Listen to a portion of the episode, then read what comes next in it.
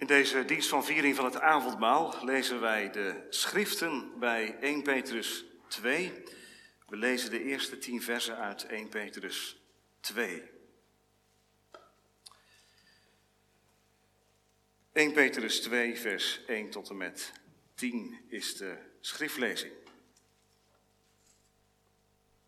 Daar lezen wij het woord van de Heer als volgt. Leg dan af alle slechtheid, alle bedrog huichelarij, afgunst en alle kwaadsprekerij. En verlang vurig als pasgeboren kinderen naar de zuivere melk van het woord, opdat u daardoor mag opgroeien. Indien u tenminste geproefd hebt dat de Heere goede tieren is. En kom naar hem toe als naar een levende steen, die wel door de mensen verworpen is, maar bij God uitverkoren en kostbaar. Dan wordt u ook zelf als levende stenen gebouwd tot een geestelijk huis, tot een heilig priesterschap, om geestelijke offers te brengen, die God welgevallig zijn door Jezus Christus. Daarom staat er in de schrift, zie, ik leg in Sion een hoeksteen die uitverkoren en kostbaar is. En wie in hem gelooft, zal niet beschaamd worden. Voor u dan, die gelooft, is hij kostbaar. Maar voor de ongehoorzame geldt, de steen die de bouwers verworpen hebben, die is de hoeksteen geworden. En een steen des aanstoots en een struikelblok. Voor hen namelijk die zich aan het woord stoten, door ongehoorzaam te zijn, waartoe zij ook bestemd zijn. Maar u bent een uitverkoren geslacht, een koninklijk priesterschap, een heilig volk. Een volk dat God zich tot zijn eigendom maakte, opdat u de deugden zou verkondigen van Hem die u uit de duisternis geroepen heeft tot zijn wonderbaar licht. U die voorheen geen volk was, maar nu Gods volk bent.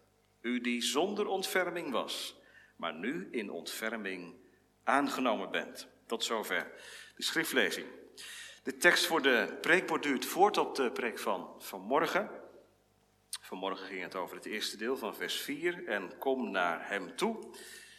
En nu luisteren we naar het vervolg. We zien hoe Petrus het beeld van een steen gebruikt. Kom naar hem toe als naar een levende steen die wel door de mensen verworpen is, maar bij God uitverkoren en kostbaar. En volgende week, Deo Valente, zullen we dan het vervolg, vers 5 enzovoort, gaan behandelen. Nu dus vooral het beeld van de hoeksteen, door de mensen verworpen, bij God uitverkoren, voor het geloof kostbaar. Straks na de preek zingen we Psalm 118, het 11e vers. De steen die door de tempelbouwers verachtelijk was een plaats ontzegd is tot verbazing der beschouwers van God ten hoofd des hoeks gelegd. Psalm 118, vers 11 straks na de preek. Gemeente, hoeveel kerken heten niet de hoeksteen? En dat is natuurlijk niet zonder reden. Het is een Bijbels beeld. Onze kerk heet geen hoeksteen, maar heeft wel een soort hoeksteen. Je moet straks maar eens kijken, kinderen, als je naar buiten loopt, naar rechts, voor jullie, voor mij althans rechts nu. Daar op de hoek aan, aan die kant zit een soort hoeksteen. Een grote steen met een inscriptie. Dit is een fundament, de eerste steen, een hoeksteen. Dat beeld gebruikt Petrus in 1 Petrus 2.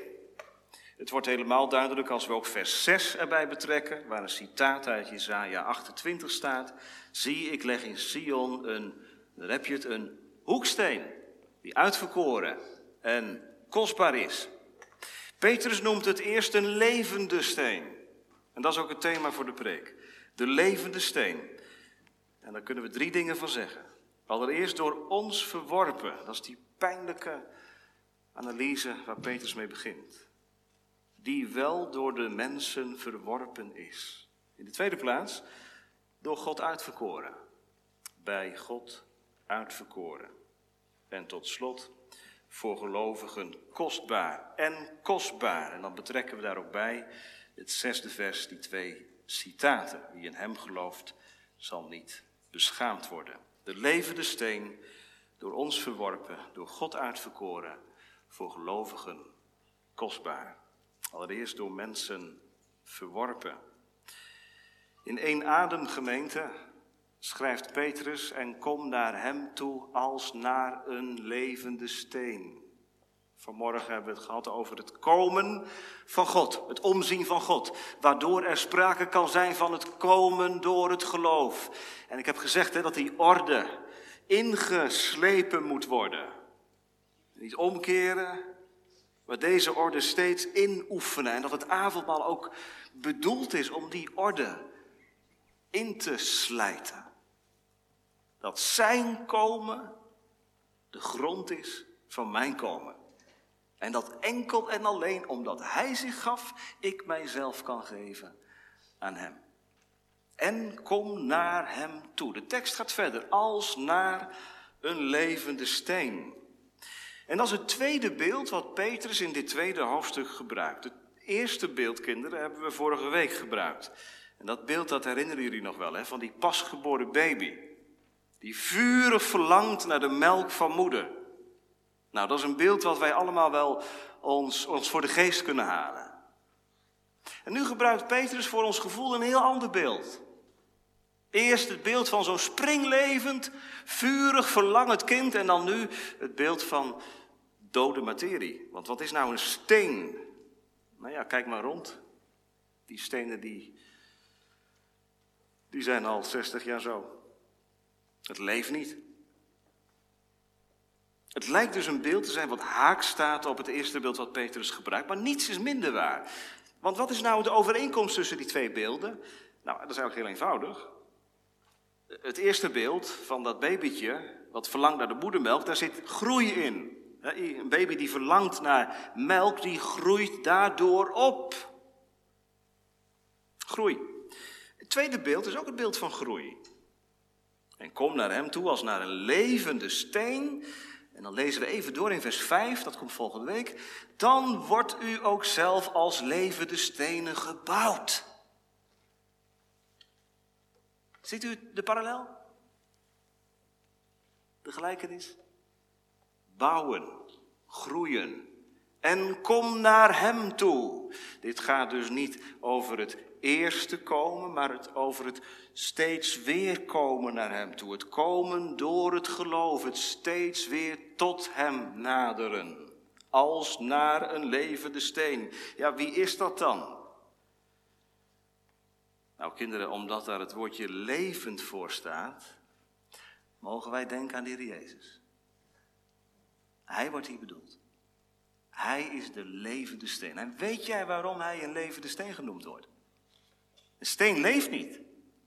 Maar waarom schrijft Petrus toch over Christus als een levende steen? Nou, dan, dan neem ik je even mee naar de opstanding, naar Pasen.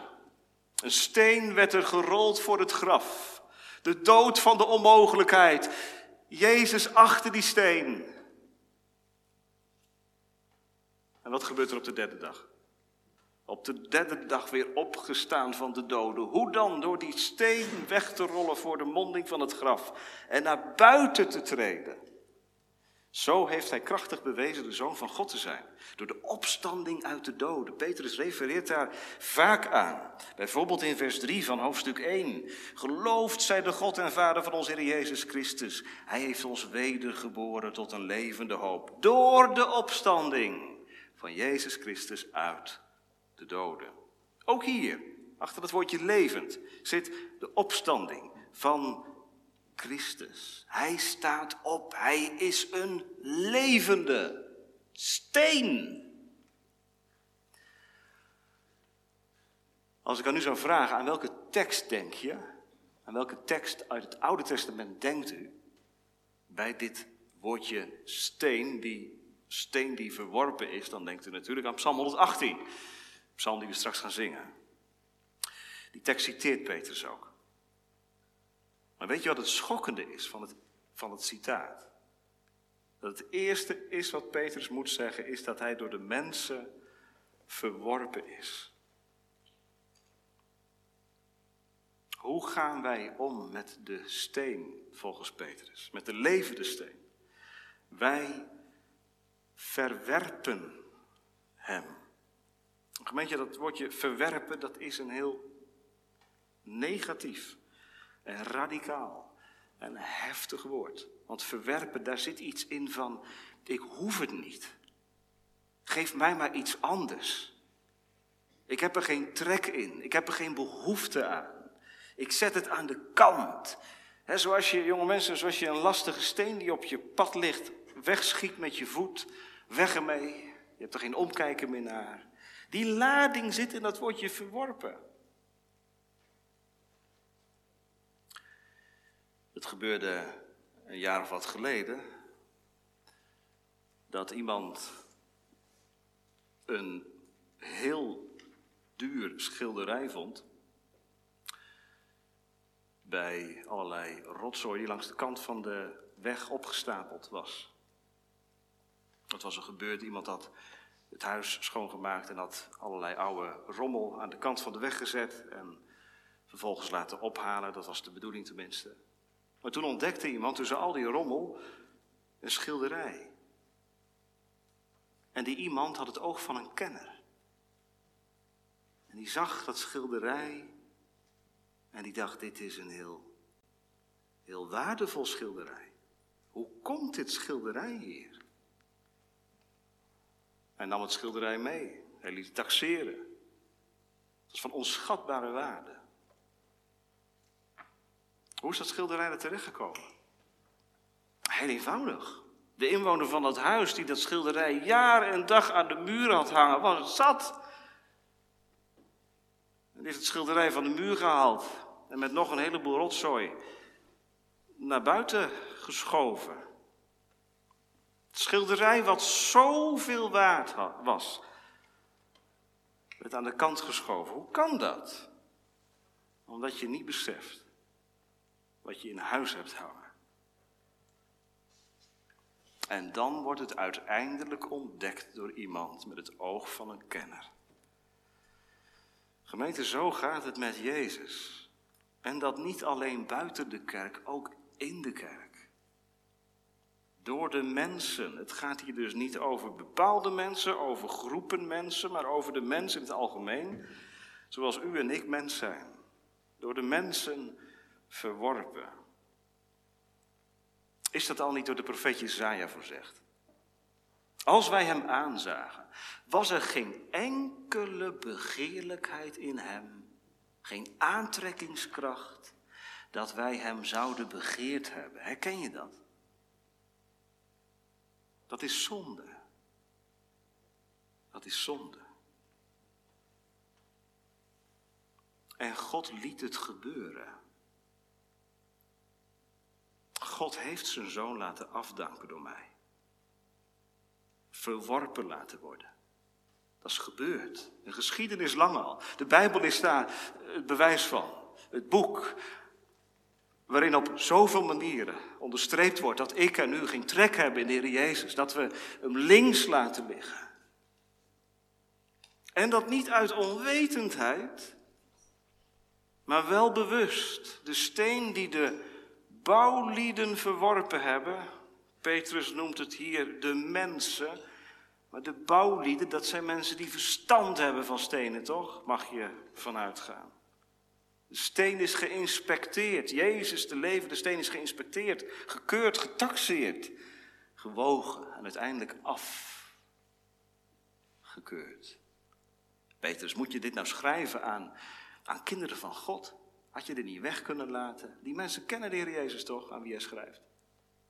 Nou gemeente, waarom zou Petrus dit hier neerschrijven? Waarom zou het in een avondmaalsdienst aan de orde moeten komen? Is dat een beetje voor het evenwicht? Een beetje de zonde, een beetje genade?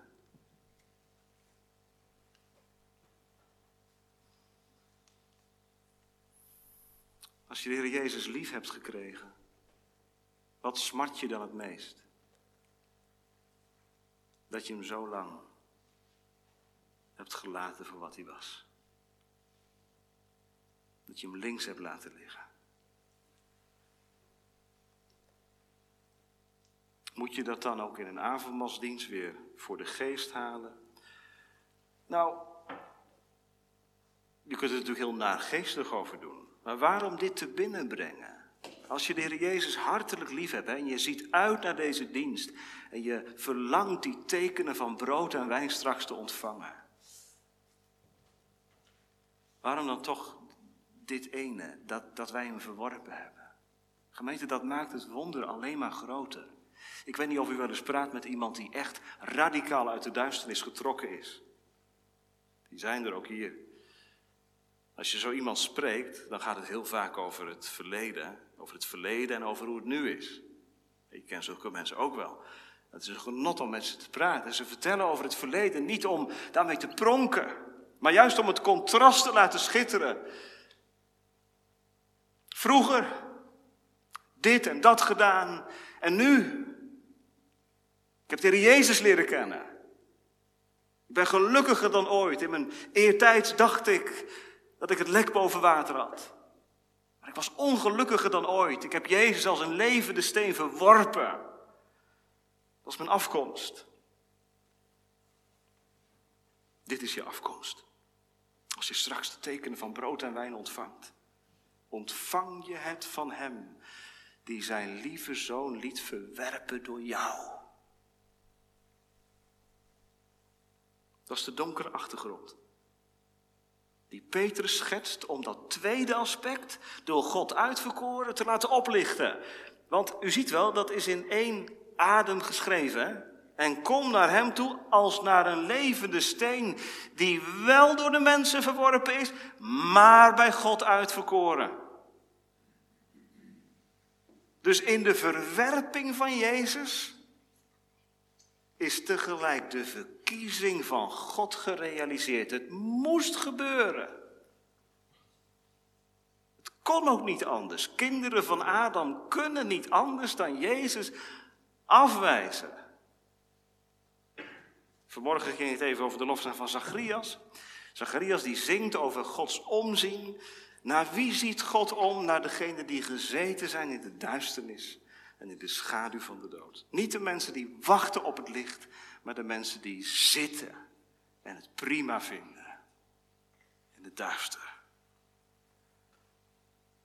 Levende steen aan de kant geworpen door de mensen, door God uitgekozen, uitverkoren. Dat betekent door God tot bestemming gebracht. Uitverkoren. En wat is dan de bestemming van, van deze steen? Nou, hoeksteen. Dragende steen. Wat is een dragende steen, kinderen? Een dragende steen is zo'n belangrijke steen. Als je die steen weghaalt, dan stort het hele gebouw in elkaar. Eh, vroeger had je heel letterlijk van die grote hoekstenen. Nou, als die eenmaal lagen, dan kon de rest gebouwd worden. Maar als die hoeksteen weg werd gehaald, dan was het ook gedaan met het gebouw. Een hoeksteen is fundamenteel. Is heel belangrijk. En dat betekent natuurlijk ook dat zo'n hoeksteen aan allerlei uh, eigenschappen moet voldoen. hij moet draaglast, draaglast, draagkrachtig zijn. Hij moet bepaalde draaglast aankunnen. Nou, als hier staat dat de levende steen door God uitverkoren is, wat wil dat ons dan zeggen, gemeente?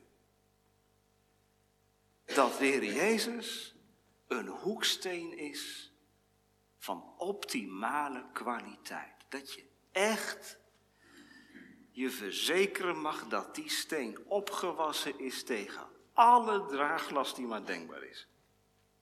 En in zijn grote liefde heeft de Vader deze steen tot een hoeksteen, tot een uitverkoren hoeksteen gepresenteerd. In vers 6 verwijst Petrus naar Jezaja, die schrijft, zie ik leg in Sion een hoeksteen die uitverkoren en kostbaar is. Daar gaat het waarschijnlijk over de tempel in Sion, die ook een hoeksteen had, een hoeksteen die uitverkoren en kostbaar is.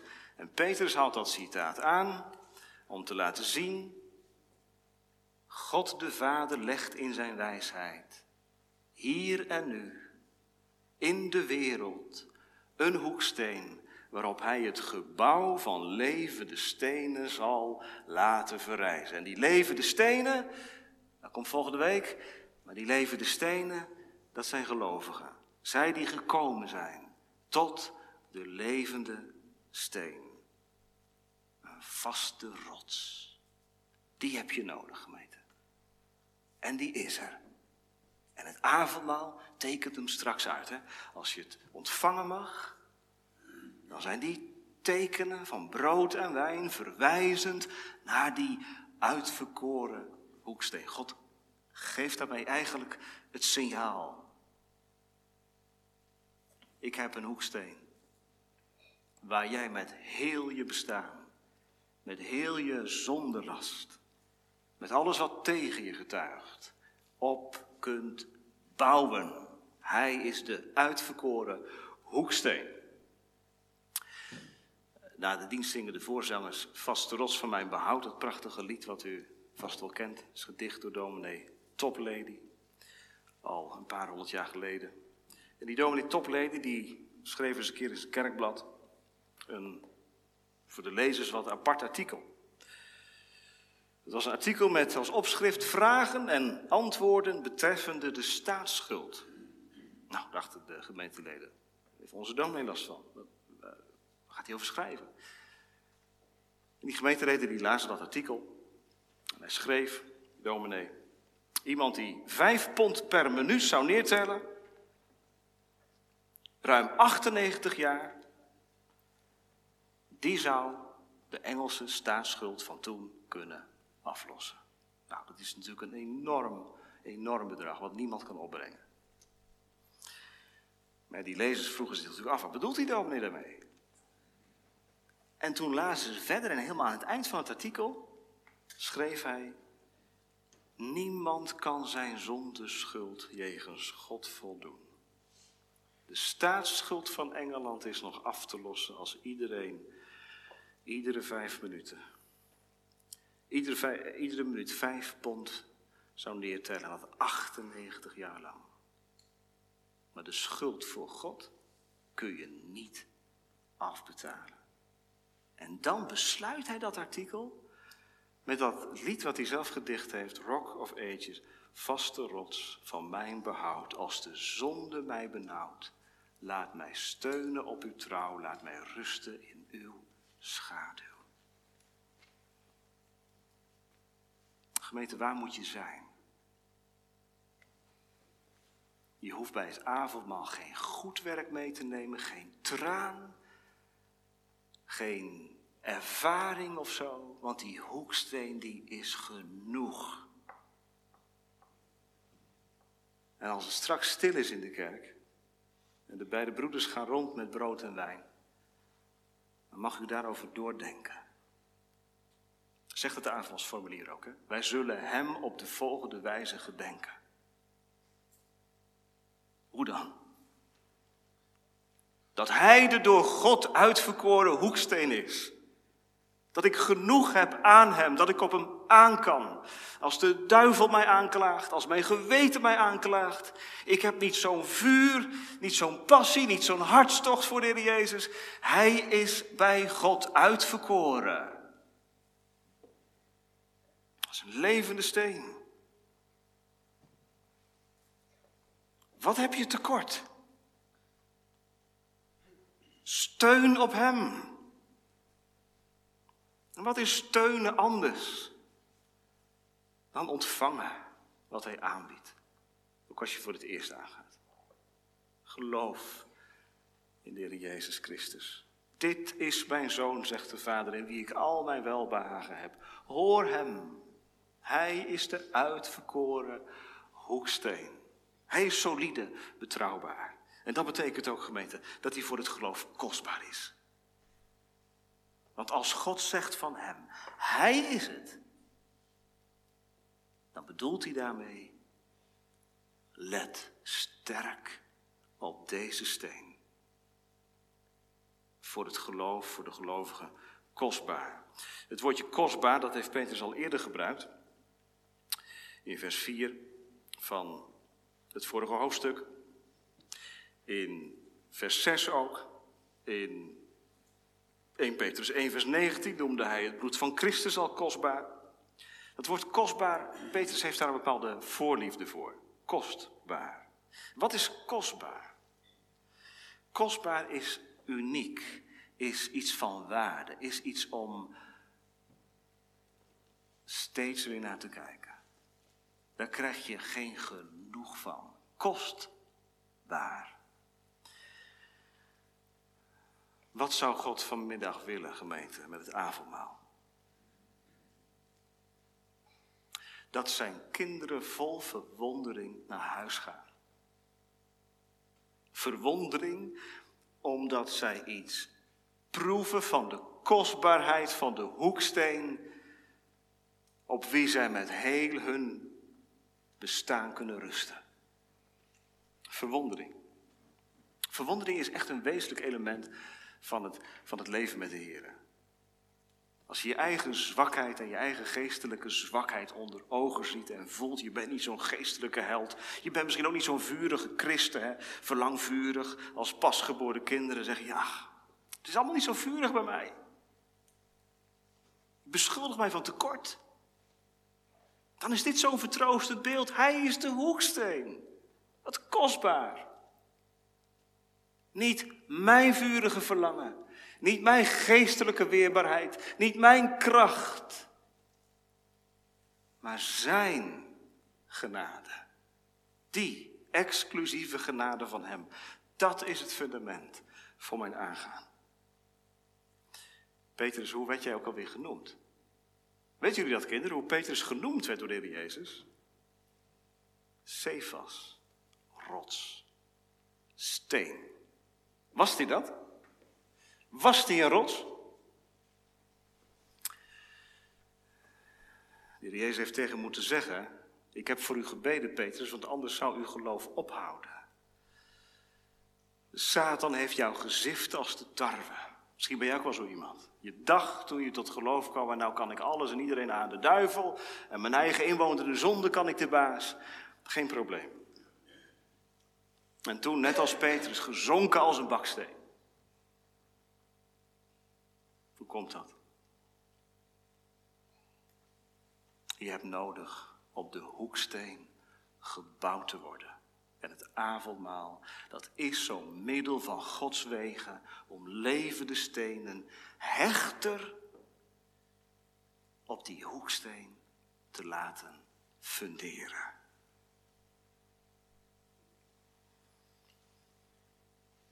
In vers 6, en dat is best opmerkelijk, in vers 6 staan twee citaten. Eentje daarvan hebben we net langs horen komen. Zie, ik leg in Sion een hoeksteen die uitvoerkoren en kostbaar is. Er staat er nog een. Wie in hem gelooft zal niet beschaamd worden. Maar gaat mij nu even om wat er als eerste staat. Daarom staat er in de schrift, ziet u dat? Daarom staat er in de schrift. En dan komen er twee citaten. Wat bedoelt Petrus? Het komt wel vaker voor dat het Oude Testament met schriften of met schrift wordt aangeduid. Het is wel een hele waardevolle gedachte, hè, dat hier de schrift genoemd wordt. En die wordt samengevat als het ware met twee citaten. Met andere woorden, in die schrift, in het Oude Testament, gaat het steeds weer over die hoeksteen. En in één adem, wie in hem gelooft, zal niet beschaamd worden. Wie in hem gelooft, zal niet beschaamd worden. Nog even over de context, gemeente, van die citaten. Ik heb gezegd, het komt uit Jezaja 28. En als u dat hoofdstuk zou lezen, dan valt op dat Jezaja daar een oordeelsprofetie uitspreekt over het volk. Waarom? Omdat ze zeggen, ach, het zal allemaal niet zo vaak lopen, die oordelen van jou. Jij met je oordeelsprofetieën. Wij hebben een voorzichtig verdrag met het graf gesloten en een verbond met de dood. Het komt wel goed, het zal wel loslopen. Zwartkijker, zwartgallige profeet. Nee, zegt Isaiah, het komt niet goed met jullie. Het komt maar op één manier goed. Dat is als je leven gefundeerd is op de hoeksteen. En anders, anders ga je verloren. Dan ga je met heel je ingebeelde zekerheid en luchtkastelen, ga je gewoon ten onder. Dus wat Jezaja doet in Jezaja 28 is dat volk zeggen, je hebt de hoeksteen nodig. Wie in hem gelooft, zal niet beschaamd worden. teleurgesteld worden. En dat is nog zo. Wat is het hooghartig als je in de kerk langs deze hoeksteen heen leeft? Kun je het ook niet meer laten?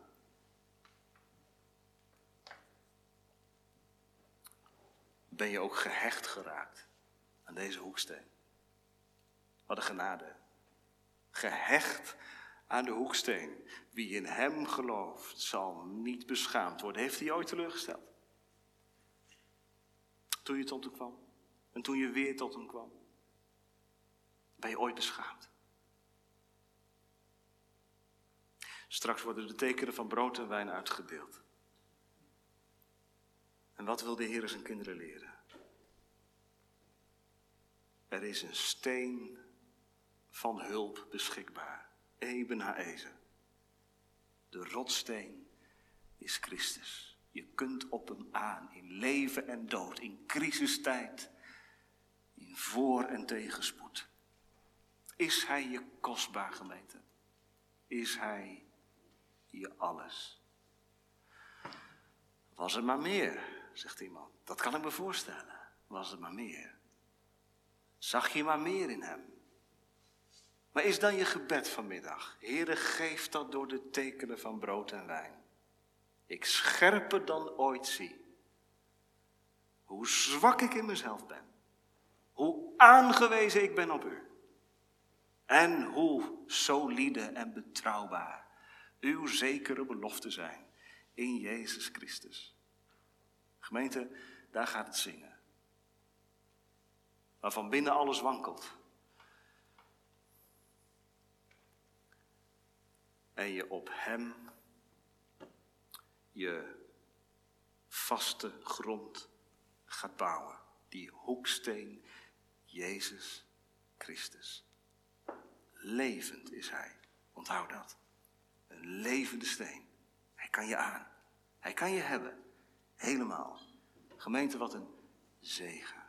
Dat deze hoeksteen beschikbaar is en dat kleine, kwetsbare stenen, ongepolijst, ruw geworden door de zonde, door Gods genade, worden gebouwd op die steen. Laten we zo heen mogen leven naar wat God straks gaat geven in zijn goedheid, als hechtingsmiddel om mij aan Hem te verbinden. Amen.